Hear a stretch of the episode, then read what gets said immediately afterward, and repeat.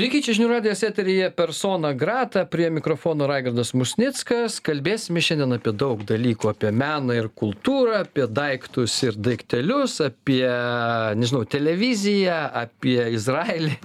Nes žmogus, kuris šiandien pas mus laidoje, e, iš tikrųjų labai įvairių, plačių e, sričių specialistas, e, žmogus, kuris mums tuos dalykus įvairius įdomius pateikė ir per televiziją, Saulis Pilinkus, menotyrininkas, vienas iš Užupio Respublikos įkūrėjų, buvęs kultūros atašai Izraelyje, televizijos laidų vedėjas ir Vilniaus rotušės ceremonmeistris irgi buvęs. Sveikas, Sauliau. Labą dieną, Raigardai. Ar kažko nepaminėjau dar? Iš tikrųjų, kai prieš išvykstant e, į Izraelį dirbti kultūros atašą reikėjo pildyti anketą tokiai vienai svarbiai valstybiniai įstaigai skirtą, tai ten, reikia pasakyti, tų įrašų buvo daugiau. Ten reikėjo priminti tarnybą sovietiniai kariuomeniai, karinius mhm. laipsnius, reikėjo priminti savo studijas, e, pirmąją darbininkišką auksuotojo profesiją, antrąją menotyrininko profesiją, restauratorių tarpę nuveiktus darbus, įvairius išlaikytus kursus, darbą valstybinėme paminklų restauravimo treste, veiklą 90-91 metais, etc., etc., etc. Iš tikrųjų, visada norėjau gyventi įdomiai ir manau, kad sulaukus brandesnio amžiaus galiu teikti, kad man pasisekė ir visos tos mano veiklos profesijos, specialybės ir užsiemimai, tai buvo tik tai dėl vieno paprasto tikslo - kad gyventi būtų nenuobodu. Ir nenuobodu? Absoliučiai. Absoliučiai ir uh, manau, kad gal kiek įkirokai pats save cituoju dažnai. Mm. Man pasisekė, aš esu laimės kūdikis, kuriam visada sekėsi ir viską, ką norėjau, tą ir gavau nu taip nebūna nesiseka ne nėra taip kad vien tik nu, sekasi reikia įdėti širdies reikia leisdavau sau sakyti kad galbūt norėsiu būti prezidentu. Turint mm. galvoje kad gimiau šešiasdešim antrais metais. čia prasidėtų nuobodus gyvenimas. Ne tada atrodė kad tų prezidentų kurie veikia pasaulyje arba kokio nors tuo metu legendinio smetonos dabar jau mm. tai yra tik žmogus tik asmenybė istorija. Bet ne todėl. Tiesiog aišku dabar irgi suprantu, kad gimti, pavyzdžiui, monarchų šeimoje nieko gero. Tai yra sunkus, alinantis, pekliškas vargas, darbas, užsiemimas ir atsakomybė. Bet tą sužinojau irgi, tik tai pabendravęs nosis į nosį su karališkosiam asmenybėm, o ne tik tai skaitydamas ten plėtkų skirelius arba žiūrėdamas įvairias. Visas gyvenimas pagal protokolą, ar ne? Ką sako jie? Ne, visas gyvenimas pagal griežtas taisyklės, bet kita vertus, jeigu tu nuo mažumės esi įpratintas laikytis tam tikrų normų, bet čia galima apie įvairias rytis, apie visą gyvenimą kalbėti. Svarbu, kaip tave nuo mažumės auklė. Manau, kad visi prisimenam Japonijoje esą tokia tvarka ir tradicija mažųjų ūkdymo. Iki trijų metų tu esi laisvas žmogus, gali daryti ką nors. Kandžiotis, rėkti, šaukti, pykti, spjaudytis, taškyti, daužyti dar. Nuo trijų tave pradeda mokyti gyventi struktūruotoj, griežtoj, pilnoje taisyklių visuomenėje ir todėl išauga nuostabūs kai kurie robotai, kai kurie kūrėjai, kai kurie dar kokie nors. Ir kurie labai nedaug matyt mus lenkia savižudybių skaičiumi, o gal ir, na, gal mes juos lenkiam nežinau bet kažkur tarti to dėl to kad robotai nes nes iš tikrųjų pavyzdžiui žiūrint nu betgi jeigu tu taip griežtai auklėjamas ir ir išmokytas esi gyventi taip pagal kažkokias taisykles ir protokolus vis tiek santykis su sąlytis su pasauliu jis yra tu gi matai koks tas pasaulis yra. Tu negali būti kaip buda iki dvidešim ten devynių metų nematyti. aš nežinau nes nesu gyvenęs jų tarpe matęs tiktai iš nedidelio atstumo amišus jungtinėse amerikos mm. valstijose ar ne? Tu gyveni uždaroj bendruomeniai. Tokių bendruomenių yra ir Lietuvoje. E, žinoma, santykiai jau, Lietuvos santykiai nebe tie, kurie buvo 20 amžiaus pirmoje pusėje. Jehovos liudytojai irgi tikrai jau nebe tokie, kurie, tarp kitko, visai neseniai Rusijoje paskelbti ekstremistais labai pavojingais, nežinau dėl ko, Lietuvoje tokiais nėra. Yra dar įvairiausių bendruomenių. Kita vertus, hm, įsivaizduoju tokį baisų daiktą vaikas gimęs kalėjime, o tokių vaikų yra. Ir jeigu dėl įvairių aplinkybių sunku kalėjimą ir tenai esančią vaikų žaidimo aikštelę, paskui ilgainiui, aš ne apie laisvą Lietuvą, mhm. pakeičia į kalėjimą, kuris vadinasi vaikų namai, paskui į kalėjimą, kuris yra vadinamas internatas, paskui į kalėjimą, kuris yra vadinamas Suvorovo arba karo mokykla, čia aš kalbu apie Rusija. Rusiją, Iranų laikų. Paskui į tam tikrą kalėjimą, kuris yra vadinamas kariuomenė, paskui į tam tikrą kalėjimą, kuris yra pensija kokiam nors tolimam kariniam garnizone. Jis gyvena puikiai, nes nieko kito. Ir tokių, manau, kad nors kalbu tarsi apie praeitį, bet tokių dalykų vyksta ir dabar.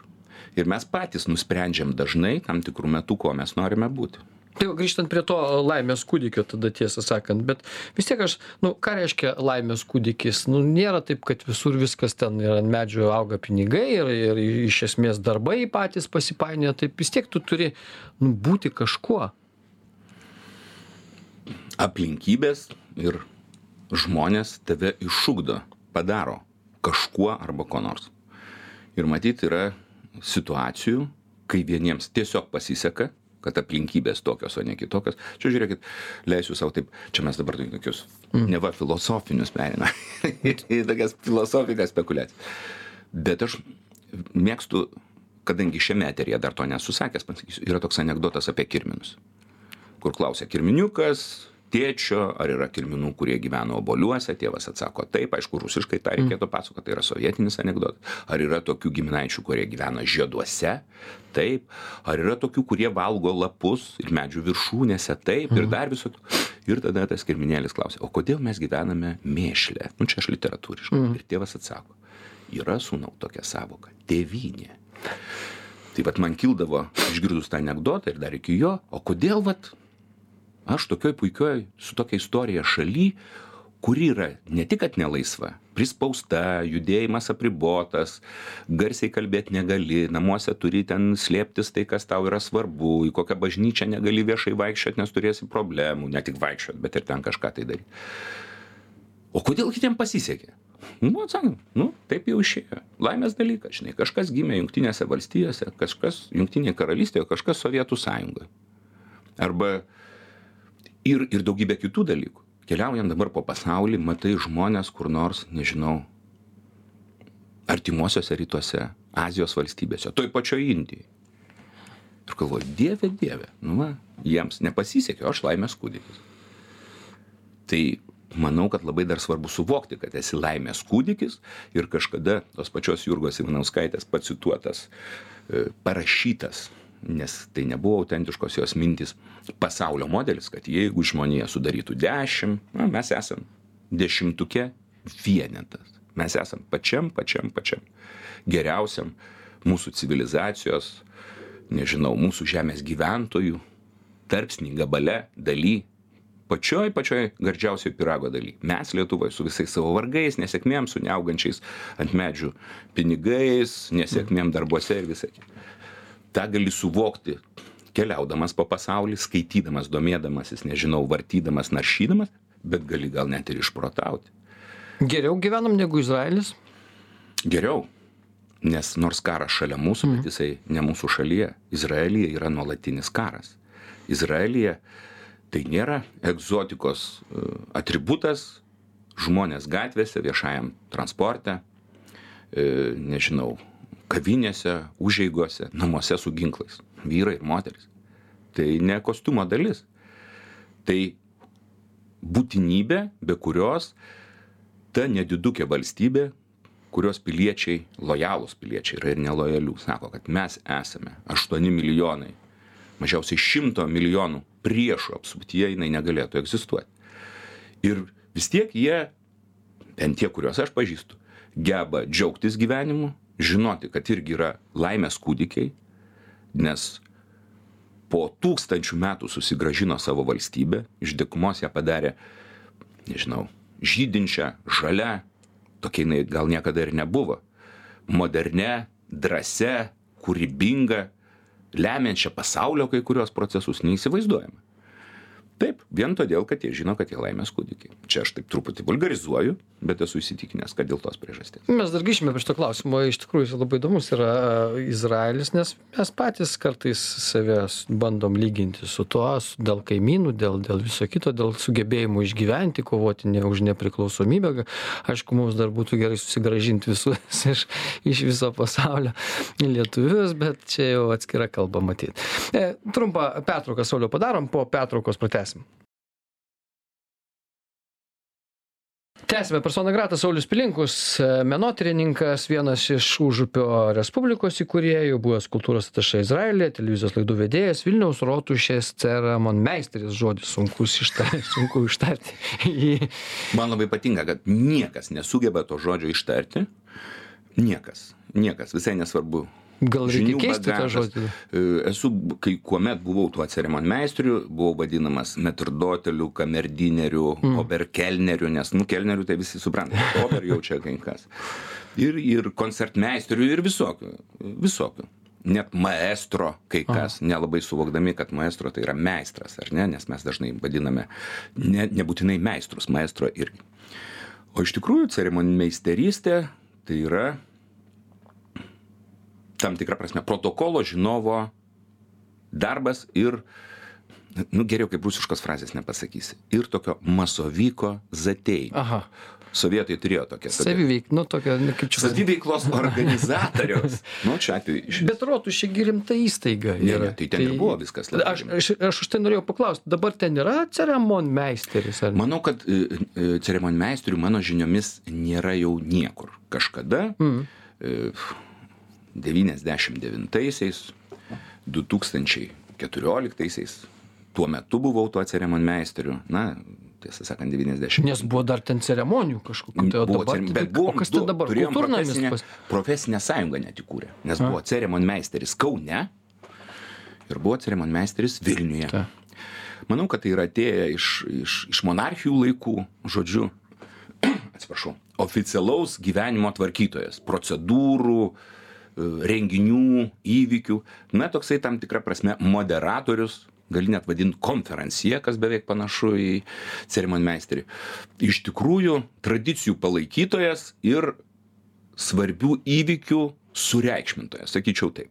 Na sakysime vilniaus rotušėje lankantis kokiai nors karališkai asabai kad ir tam pačiam viljamui aleksanderiui kuris tuo metu da buvo tiktai nyderlandų sosto įpėdinis dabar jau ir karalius ir lietuvai padariusiai jo žmonai ir dabar padarytų nes vien vardas ką reiškia maksima. Brangus kiekvienam kiekvienam tautiečiui. Jiems padarė įspūdį kad mes senos istorijos šalis turime ir istorinę rotušę kuri taip perstatyta aštuoniolikto amžiaus pabaigoje bet ne nevedėm į rūsius įrodyt kad gotikiniai kad tai yra penkioliktas amžius. Bet tai kad sugebėjome įvesti pristatyti ne tik aš bet ir kolegos pranešti tai ką galime matyt pavyzdžiui filmuose. Jiems padarė įspūdį sakė o čia jūsų sena tradicija. Mes pasakėme taip nors tradicija buvo tiktai mm, naujai iš naujo pagimdyta. E, pasirašymai svečių knygose pareiškimai kad kalbės tas ir tas pasakys tą ir tą įvairių ritualinių tekstų kad už tai ir tai apdovanojimas garbės piliečio vardu toks ir toks tam tikru balsu pasikabinus grandinę su e, taip sakant vilniaus miesto simboliais nu kad tai daro įspūdį ir iš tikrųjų parodo kad šiuo atveju mūsų sostinė ne tik mūsų valstybė yra gilias istorines tradicijas gilias šaknis turintis subjektas ir objektas. Tiesą sakant taip yra visame pasaulyje tą daugiau matome senų tradicijų šalyse bet net ir naujų tradicijų. Buvau nustebęs kad palestinos valstybėje kurioj teko lankytis ten irgi jie turėdavo ceremonmeisterius ten matyt buvo kita priežastis. Rodo kad šaknys gilios nors gal jų ir nelabai buvo kad papročių turi naujosios monarchijos. Esu matęs tiesa tiktai teleekrane kaip veikia ceremonmeisteriai hašmitų jordanijos karalystėje saudy saudo arabijos karalystėje. Taip tai yra. Tai tai dabar kas kas e, dabar vyksta rotušėj jinai atlieka funkciją dar kokią nors tokią rotušė manau ir išliko vilniaus miesto reprezentacinė įstaiga. E, visais laikais kai vilniaus rotušės institucija įstaiga buvo atkurta nes rotušė mūsų įsivaizdavimu yra ne tiek įstaiga kiek statinys. Ir tokių rotušių mes turim keletą lietuvoje. Ir kėdainiuose ir kaune likučiai klaipėdoje ir vilniuje ir biržuose tarp kitko rotušės pastato bent fragmentai yra išlikę. Bet rotušė tai yra tiesiog rotušė buvo vadinamas pastatas ir įstaiga kurioj kuri valdė laisvuosius miestus miestus turėjusius savivaldą. Tai šiuo atveju vis būdavo pabrėžiama kad senoji vilniaus rotušė na gal daugiau lokacija geografinė vieta kurioje vyksta patys svarbiausi dalykai. Ir dabar tie dalykai manau vyksta. Tiesą sakant jau mažiau šiek tiek žinau praėjo daug laiko nuo mano ceremonmeisteriavimo bet yra išlikęs reprezentacinis vilniaus miesto mero kabinetas kur svarbūs apdovanojimai teikiami kur pagerbiami svarbūs miesto svečiai kurie o priesaika mero taigi ten ar ten vyksta nevyksta ten dabar tų- nebegaliu pasakyti man atrodo kad dabar Anksčiau dangoraižiai vyko. viskas Čia vėlgi, vėlgi yra labai paprasta. E, Mes, nors esame sena ir gana gilių tradicijų šalis, bet turime įprotį tokį ankstyvųjų viduramžių. Naujasis viršininkas keičia tradicijas, tikėdamasis, kad jos bus tęsiamas. Čia aš taip leidau savo vulgarokai pasakyti, bet taip ir yra. E, Taip ir yra ir, sakysime, e, Junktinės karalystės monarchas, kuris neužilgo, taip sakant, oficialiai žengs į sostą. Jis negali nuspręsti, kad ceremonialas, e, taip sakant, karūnavimo iškilmės bus tokios, kaip jam norisi ir nuo dabar bus. Lietuvoje, jeigu priesaiką vadintumėm ceremonialu, na, ne karūnavimu, nusprendžia. Kaip patogiau bus ar ne? Pasidaro kaip kaip patogiau. atrodo kaip atrodo sakysime turinčiam įgaliojimus išrinktam ar paskirtam kitą kartą? Politikui ar ar ar tarnautojui? Liūdna tada taip išeitų kodėl? Nėra liūdna. Kad kad aš manau mes dar nes kažkaip ta rotušė man dabar toks atrodo vat kultūrnamis toks kad ten man taip neatrodo dėl tos priežasties. Aš neatrodo pasakysiu kodėl. Todėl kad bendrauju su rotušėje dirbančiais žmonėmis ir tiesiog na taip supuolė kad jie galbūt mes tas tradicijas atkūrėme ir kūrėme mes tuo metu dirbę. Keturiolika penkiolika šešiolika metų na jie nusprendė kurti savas tradicijas remdamiesi kai kuriais dalykais. Pavyzdžiui e, tuometinės rotušės administracijos ir vilniaus miesto savivaldybės e, fasade įkomponuotą mažąjį vilniaus herbą su šventuoju kristofru jo gi nenuėmė jį tiesiog nuspalvino. Jis buvo monochrominis dabar jis yra spalvotas raudonas ir su auksu E, nenuėmė lentų ant vilniaus rotušės nes ant rotušės verta pažymėti svarbiausius įvykius. Na mūsų laikais svarbusis įvykis buvo jungtinių valstijų m, vadovo vizitas lietuvoje ir jo frazė kas taps jungtinių amerikos Bušas. taip taip taip. Jų nenuėmė nenuėmė lentos kad vilnius buvo du tūkstančiai devintaisiais europos kultūros sostinė. Na nepagalvojo ir šalia įrengė kad dengtų matyt tas lentas e, keltuvą neįgaliesiems. Bet čia visai kiti dalykai. Keltuvą galima perkelti atsimenu buvo vienos baliai kažkada vykdavo rotušė ir ne Dabar šustauskas ten matyt, triukšmaudavo Šustauskas nelabai čia kodėtas, o vienas balis. Ne, ne, tai triukšmaudavo jis tenais. Graži intencija, nes iš tikrųjų dabar galbūt tų labdaros vakarų, kurių metu būtų renkamos lėšos e, mažiau pasiturintiems, ne taip labai reikia, renkame lėšas kitiems dalykams, mm. ir sesėms, broliams, Ukrainams, ar dar kitus dalykus darome. Taip, iš tikrųjų daug kas keičiasi, bet gal kai kas išlieka. Virš Vilniaus rotušės vis dar plevėsuoja Vilniaus miesto vėliava. Tai yra irgi geras dalykas. Mes bandydavom ją iškelti, kai miesto meras būdavo. Na, tiesiog Britų paprotys, ar ne? Svarbus pareigūnas simbol, ir simbolis tam tikras pasirodo. Na, yra ženklas, jis yra. Na, ir dabar plasda visados. Irgi gražu. Gražu, gaila, kad aišku laikas dabar pertraukai mūsų ir, ir turim padaryti pertrauką. Mm, Čia dar galima būtų ilgai šnekėtis apie, apie tas tradicijas mūsų vilnietiškas, šiaip įdomu, iš tikrųjų, kiek, kiek jų lygia ir, ir kiek jos vertingos, bet padarom pertrauką, o po pertraukos pratęsim.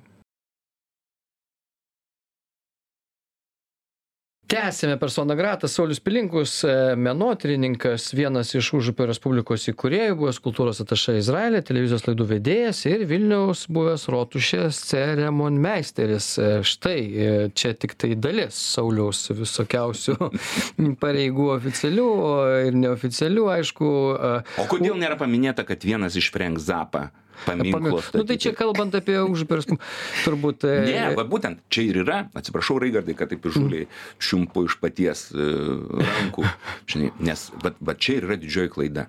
E, jau tolimais 2006 metais mergina, jauna mergina iš Guardian, tikrai pakankamai žinoma leidinio, uh, tuo metu jis buvo dienraštis, dabar įsivaizduoju, kad ko gero tik savaitę, bet kelių milijonų tiražų pasirodantis, atvyko į Lietuvą domėtis kai kuriais dalykais. Jis buvo girdėjusi apie pirmąjį pasaulyje paminklą skirtą Frenkui Zapai ir apie tokią respubliką, kuri panaši lyg į Monmartrą, lyg į Kristijaniją ar dar ką nors tokio.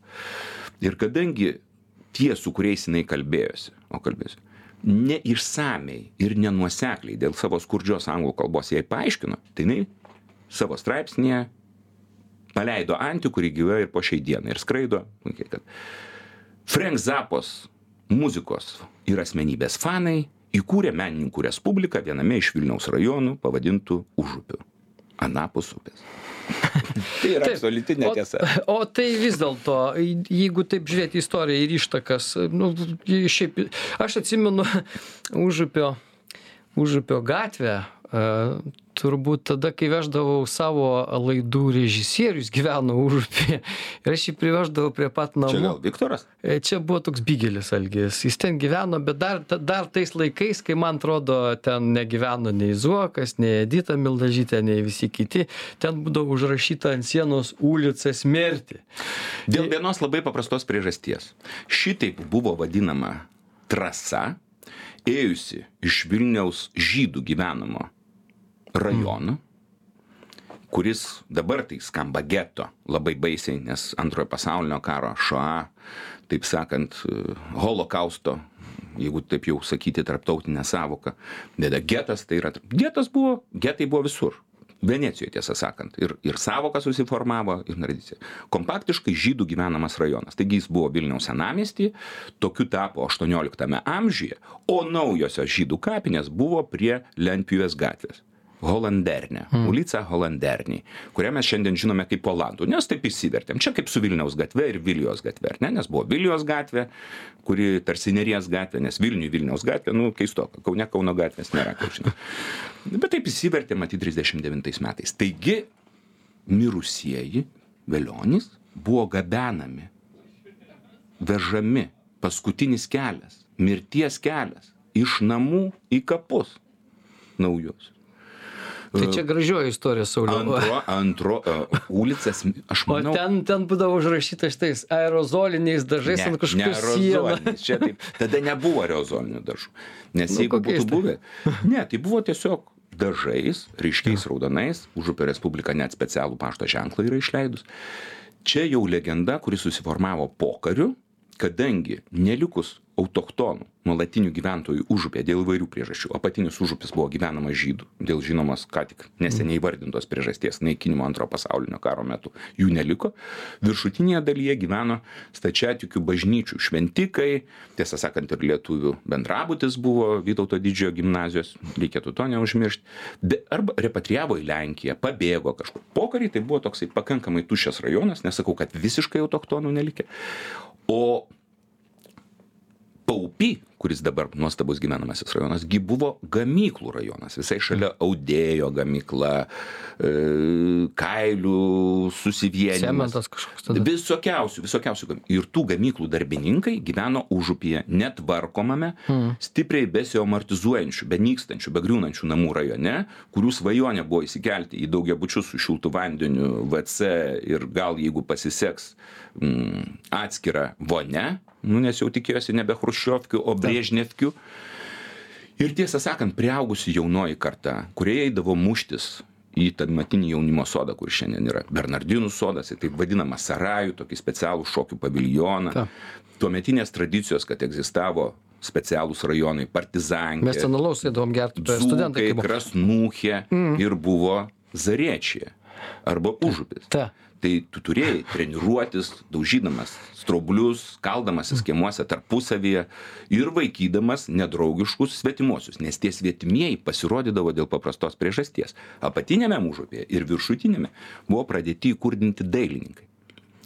Iš karto pokariu kur dabar yra garsioji užupio kavinė ant vilnelės kranto. Ten buvo dailininkų dirbtuvės ir margytės gatvėje marytės margytės tokia buvo gatvė dabartinė krivių buvo pastatytas dailininkų kooperatyvas. Ir šitie nesusipratėliai bandydavo lįsti į darbininkų rajoną arba iš apačios arba leistis iš viršaus. Ir ten užrašas mirties gatvėj įspėdavo kad to daryti neverta Tai va, va, aš už tai sakau, kai veždavo, aš priveždavau prie pat namų savo režisierių, kad, nes, kad jis nepasikrautų tenai, nes ten būdavo tikrai labai pavojinga, nu, bent jau tais laikais, čia gal 90 kokie 6-7 metai, nežinau.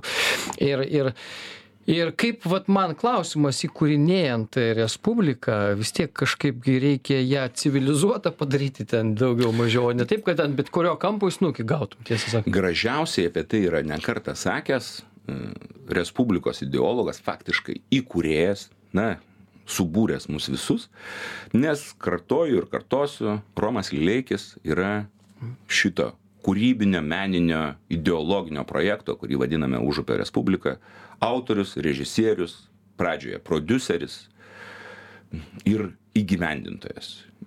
Daugelis jau šiandien žino kad ir garsioji užupio konstitucija didžiuma yra jo parašyta kad visi tekstai emblemos yra jam aktyviai dalyvaujant sukurti ir ir ir pagaminti. Taip tomas šepaitis jo klasės draugas irgi tame dalyvavo kuris žinomas kaip batiuška ir užsienio reikalų ministras. Mes visi kiti anksčiau arba vėliau prisijungėm prie šio žmogaus ir dar keleto žmonių kurie gyveno ten. O jisai pasirinko kaip gyvenamąją vietą. Ir galiu tik pacituoti jo tekstus. Reikėjo susidraugauti su ta nedraugiška aplinka dėl paprastos priežasties. Jie buvo jau autochtonai nuolatiniai gyventojai. Visi kiti buvo ateiviai. Ir reikėjo rasti būdą tapti savais. Kai kada atsiprašau šnapsą su jais gerti. Kai kada skolinti pinigus kai kada atėjusiam milicininkui nes tada dar policijos nebuvo nepasakyti kas vyksta šalia pavyzdžiui nelegali prekyba alkoholiu gorbačiovo sausojo įstatymo laikais. Kai kada nematyti kaip pavogti iš audėjo fabriko mm, verpalai Rulonai plukdomi su- plukdomi vilnele yra džiovinami kiemuose. Kai kada tiesiog uh, išversti nesuvokiamą keistą per 50 metų neišmoktą, 40, 30 metų neišmoktą lietuvių kalbą. Man labai patiko ir vėl pacituosiu Romo Lileikio pasakymas. Pradžioje jie juos piktindavo, kad juos kreipėsi lietuviškai arba lietuviškai sveikinėsi. Tada daugumas mūsiškių ir tas pats Lileikis pradėjo kreiptis rusiškai ir bendrauti rusiškai.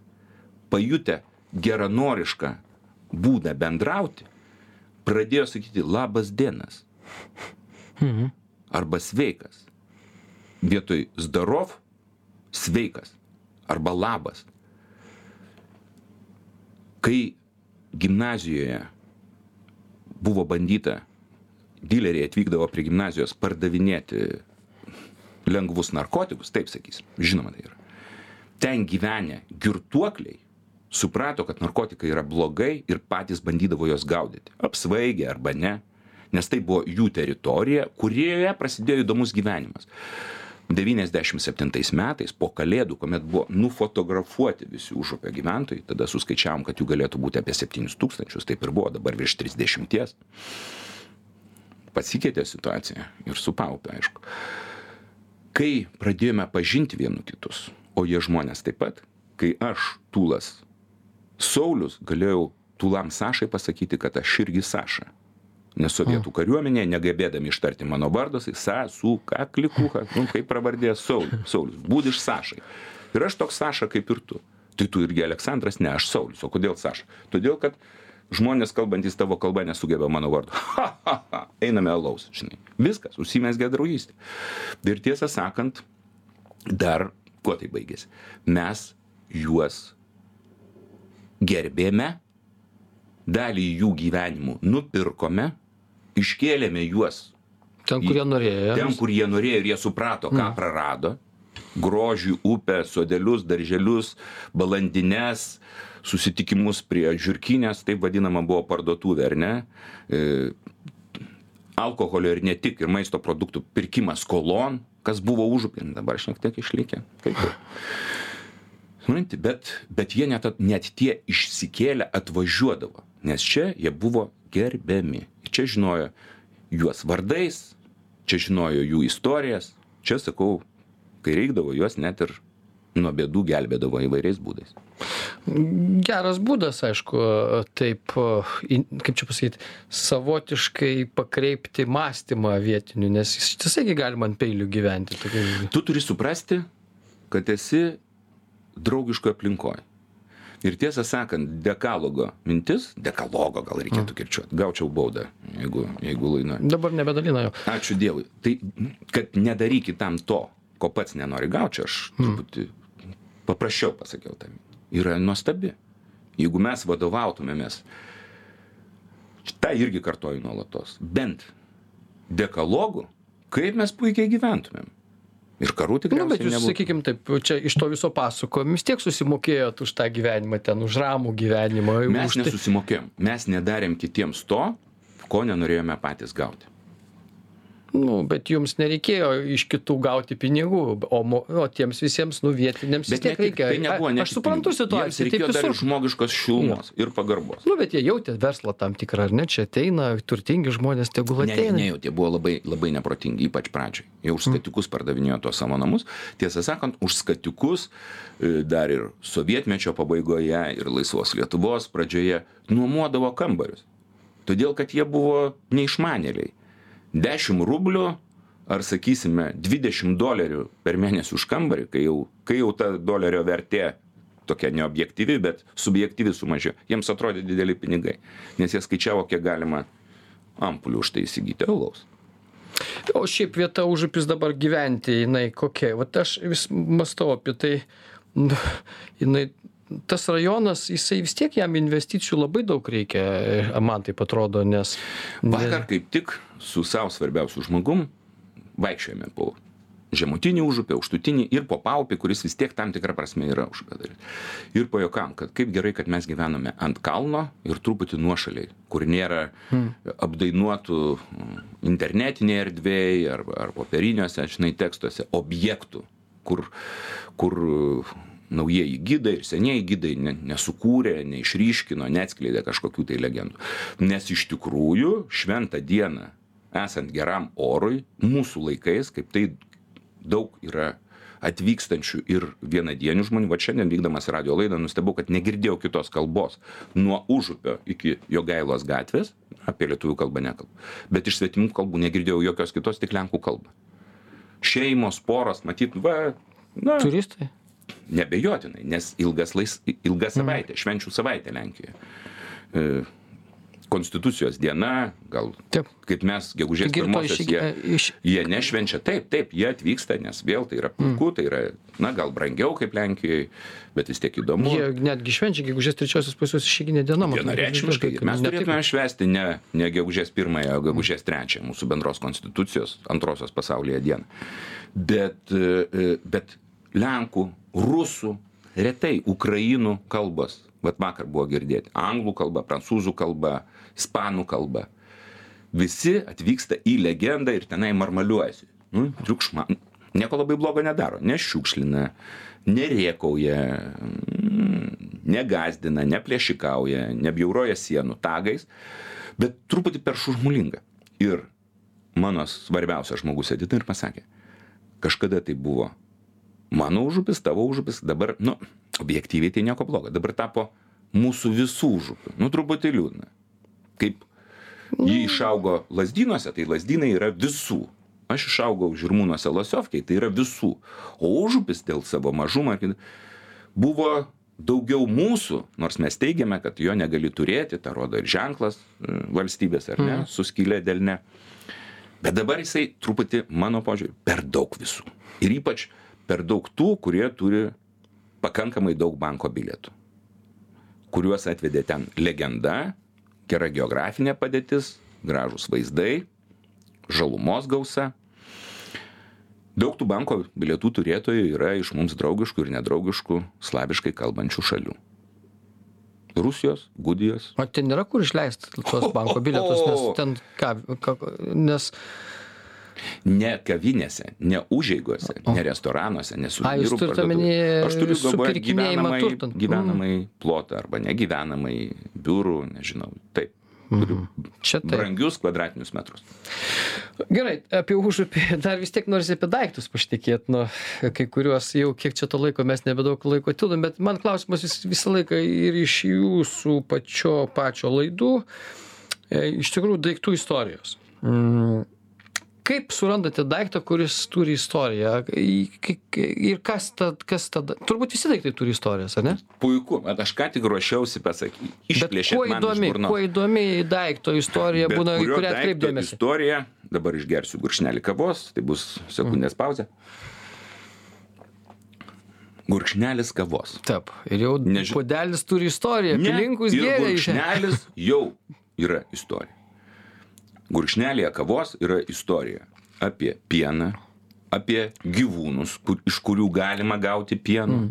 apie pieno pramonę Apie ir jo produktus, melžėją. apie melžėjas ir melžėjus, apie įvairias techninės naujoves arba praeities būdus tą pieną išgauti ir gauti, apie kavos augintojus, apie geografiją, apie botanikos įvairius. Žodžiu, bet o podelis. Taip, pradėkim nuo to. Na, nesvarbu, kad pilinkus, kad personažas, pacientas X išgėrė iš to podelio ir žinome, kad pasaulyje parduodami muzikos instrumentai, rūbai, daiktai, kažkas prisilietė, kažkas naudoja nuolatos.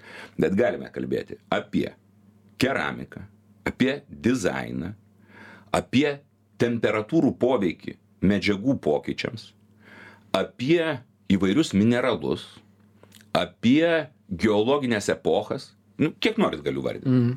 apie viską. Manau, kad mums pasisekė, vėlgi, su mylima producerė, rasti labai gerą raktą. Kad daiktas yra tiesiog raktas į bet ką. Mm. Pradžioje mūsų žiūrovai gal net piktindavosi, buvo ir tokių. Tai kur kalba apie daiktus? Jie įsivaizdavo, kad tai laida galbūt apie tam tikrą prasme dizainą, arba apie konstravimą, arba, nežinau, apie dar kažką. Nesakytų, kodėl apie žmonės pasakoja? Todėl, kad daiktas X, pavyzdžiui, žiedas į nosį, gali papasakoti apie Patrio Lulumbos universiteto studentą, kuris tam tikrų būdų e, padėjo Lietuvos mokslui išspręsti tuos ar kitus uždavinius. Nežinau, ar visi žino, kas tas Patrijos Lumba, ar kas tas pat universitetas, kad jame būdavo žmonių iš, iš, iš kokios nors, nežinau, Papua naujosios Gvinėjos, kur, kur pošimosi būdas yra žiedas į nosį, arba mm. anegdotą atsimena apie kokį nors e, Brėžnevą vadinamą Leonidų Lyčių ir jo apdovanojimus. Vėlgi čia nuostabių dalykų. Bet tai vis tiek, e, na, aš suprantu techniką e, paruošimo laidos, ka- kad galima apie viską pasakoti. Vis tiek, nesakykit, daiktai jumsgi, nu, negalit, va taip eiti gatvėje ir visus susirinkti daiktus, kurie yra tik Ne, dėl to, tai kad apie matot, kiekvieną daiktai galit yra- papasakoti. Yra priežastis. Vienas istorijas inspiruoja daiktai. Na, koks nors memorialinis daiktas. Arba epochos simbolis. Na, visai neseniai parodėm siužetą apie litus. Tai aišku, koks simbolis gali būti, ne simbolis, daiktas atsparos taškas, nuo kurio prasidėtų. Cento moneta, lito moneta, lito banknotas, bendrasis talonas. Ar ne? Tai yra istorija apie lietuviškos pinigų sistemos atsiradimą, vystimasi ir išnykimą, sakykime taip. Tai čia daiktas lemia. Bet gali būti ir taip, kad sužinai istoriją apie Junktinių Amerikos valstijų kariškį. Nežinau, ar šitą laidą rodėm, bet čia laikykime tai ne reklama. E, Dar nerodyt reklamų, mačiau. A, nu, kariškį, generolą, gimusi Kaune, žydą berniuką, išgyvenusi geto visus siaubus, atsidūrusi Junktinėse valstijose ir tapusi vienu iš žaliųjų berečių, tų specialiųjų dalinių kuriejų, kuris pasirodo yra be galo autoritetinga asmenybė, o dar visai neseniai sužinojom, kad ir lankėsi Lietuvoje 1994 metais, nes buvęs jo adjutantas, tada kapitonas, o dabar trijų žvaigždžių generolas ir specialiųjų pajėgų vadas Junktinių Amerikos valstijų, pamatęs mūsų siužetą, nusprendė pareikšti, o kodėl jūs nepasakėt, kad jūsų tautietis buvo, e, Lietu, yra buvęs Lietuvoje po, po pokario laiko. Tai suradus asmenybę, galvoju, koks daiktas jį galėtų pristatyti. Ir labai paprasta. Nusiperki, na neskudurinę, antrų rankų parduotuvėje amerikiečių kariškio švarką ir tai jau yra objektas, nuo kurio gali pradėti pasakoti svarbaus kariškio istoriją, kuris yra susijęs. Arba sakysim, nežinau, kokia nors elementari knyga, kurioje yra trys sakiniai apie čia vėl tie generolai, generolai, taip, aš truputį gal militaristas, arba militaritomanas, taip. kokį nors Vytautą Putną. Nežinau irgi ar parodėm siužetą, ar dar tik tai rodysim. Sakinys, Vytautas Putna. O paskui atsitiktinai griuvėsiuose užupyje randi karinį biletą žmogaus, kuris turėjo tokią pačią parodą, e, pavardę Lenkijos respublikos laikais. Tuomet kai vilnius priklausė lenkijai dabar jau nesiverčia liežuvis sakyti kai lenkija buvo okupavus vilnių nes lenkija mūsų strateginė partnerė sąjungininkė reikia švelnint taip sakant ir apibūdinimus. Ir užrašyta piotr putno o čia vytautas putna generolas. Įdomi istorija. Padarė ką nors blogo lietuvai kodėl su bolševikais nuėjo, kodėl buvo nužudytas 37 metais, kuo jis mums gali būti įdomus ir pamokanti jo gyvenimo istoriją. Žodžiu, tos istorijos gimsta pačiais įvairiausiais būdais. Jūs turite uh, hobį, ar čia hobis uh, griuvėsiuose paieškoti tų daiktų? Čia ne hobis, čia yra manija. O manija. jeigu visai atvarai, tai yra lyga manau kad tam tikra prasme tai yra psichinė liga bet tokia nepavojinga visuomenei mano manymu nežinau gal visuomenės nariai manytų kitaip. Kažkada mm, kai vieną svarbų archyvą krausčiau iš šiukšlių konteinerio pats jame tupėdamas visai neseniai čia vienoje auditorijoje pasakojau tą o pro šalį tuo metu čiurlionio gatve ėjo mano brolio sūnus ir mano e, krikštasūnis. Aš išlindęs į iš konteinerio. Nu tiesiog jame tupėdamas pamačiau buvau apsirengęs padoriai. Sakiau kreipiausi vardu ir jo draugai paklausė kas čia toks? Jis taip nudavęs kad nepažįsta manęs sakė gal koks ligonis. Tai man patiko man patiko ta situacija. Taip tai yra e, čia žinoma jeigu irgi taip gru grubokai išsireikšt viešai aš gal tiktai su pačiu kalbėdamas taip galiu save apibūdint arba kokiam gal ir straipsny galiu taip save įsivardint pavadintų kitų žmonių gal nenorėčiau būt. Tai iš tikrųjų yra pomėgis, kuris turi daugybę prasmių.